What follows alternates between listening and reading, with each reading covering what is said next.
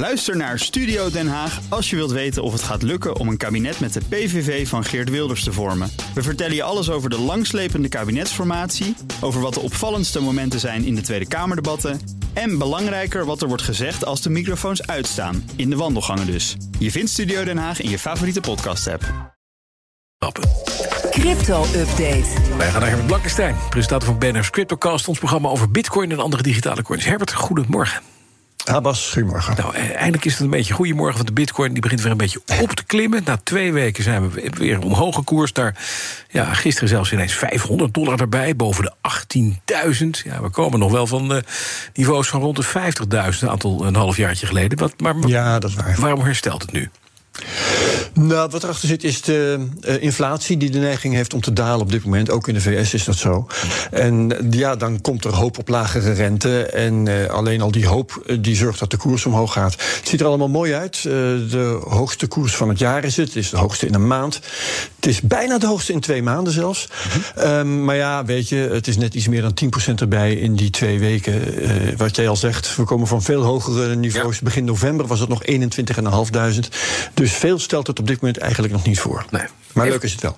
Dat is waar. Dit is wel een beetje hersteld. Bitfavo eh, gaan we het over hebben. Die Nederlandse crypto-broker. Die kan een deel van zijn uitgeleende 280 miljoen euro terugkrijgen. Die ze uitleende aan eh, Genesis.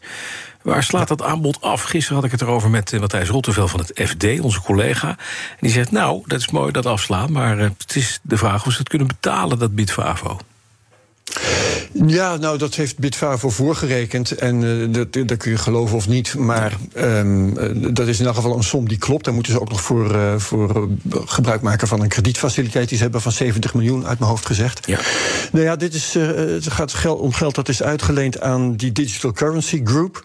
En die stelt nu voor om van die 280 miljoen. Eh, 70% in termijnen terug te betalen. En Bitfavo maakt bekend dat dat niet volstaat, want ze zeggen dat geld is er echt wel. Ehm, dus eh, wij, wij willen meer. Ja. En dat is de situatie van dit moment en dat moeten we afwachten. Ja, maar intussen, die eh, man die dit allemaal aangekaart heeft... Cameron Winkelvos, een van de gebroeders Winkelvos... die heeft eh, een scherp briefje eh, eh, geschreven, eh, een open brief... eh, naar een andere, een andere club. Of hij, hij, is, hij is een schuldeiser van, eh, ook van DCG, van Gemini, hè? Ja, ja, Cameron Winkels had vorige week een open brief geschreven aan Barry Silbert, de directeur van DCG. Precies. Met van alles en nog wat beschuldiging van kwade trouw. Dat was al met gestrekt been. Eh, en een ultimatum van 8 januari. Eh, dat ultimatum verliep gewoon, dat was ook te verwachten. En het enige wat Cam- Cameron nu kan doen is meer brieven. En nu stuurt hij er eentje aan de raad van bestuur van DCG. En roept die raad op om Silbert aan de kant te zetten, omdat die een oplossing in de weg zou staan. Wat het jammer is, Silbert is ook de eh, meerderheidsaandeelhouder. Dus als de raad van bestuur hem zou wegsturen, dan is te verwachten dat hij de raad van bestuur Weer wegstuurt. en een nieuwe benoemt. Dus dan ben ik benieuwd wat Cameron Winklevoss dan weer schrijft. En dat zal ik hier dan netjes eh, allemaal weer vertellen. Ja, in ieder geval is er wel een, eh, een bankrun bij cryptobank Silvergate. Althans, die hebben het overleefd, hè? Stormloop van klanten die hun geld terugvorderden.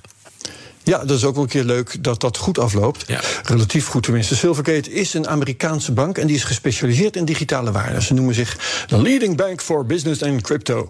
En ehm, ja, anders dan eh, Celsius en FTX en noem ze allemaal maar op, heeft Silvergate alle klanten die eh, om hun te goede kwamen gewoon kunnen betalen. Maar de prijs was wel heel hoog. Aan het eind van het derde kwartaal van 2022 had Silvergate 11,9 miljard aan tegoeden van klanten. En nu is daar nog 3,8 miljard van over. Dus net ongeveer een derde. Ze moesten 8 miljard ophoesten, dat is het verschil. Eh, en om dat te kunnen doen, hebben ze zelfs bezittingen met verlies moeten verkopen. Nou, toen dat van de week bekend werd gemaakt, eh, is de koers van het aandeel Silvergate flink gekelderd. 40% ging eraf. Maar het goede nieuws is dus, ze zijn niet failliet. En dat kan niet iedereen zeggen, ze bestaan nog. Dus Ja. tegenwoordig al heel wat. Ja, ze hebben het kunnen, kunnen afwenden. Nou is mooi, want Silvergate is de bank die de boedel volgens mij kocht... van die digitale munt die Facebook destijds, het huidige Meta, wilde maken, Libra. Ja. Klopt. Libra, eh, eh, eerst heette het Libra, daarna Diem. Oh ja. Allemaal heel ingewikkeld.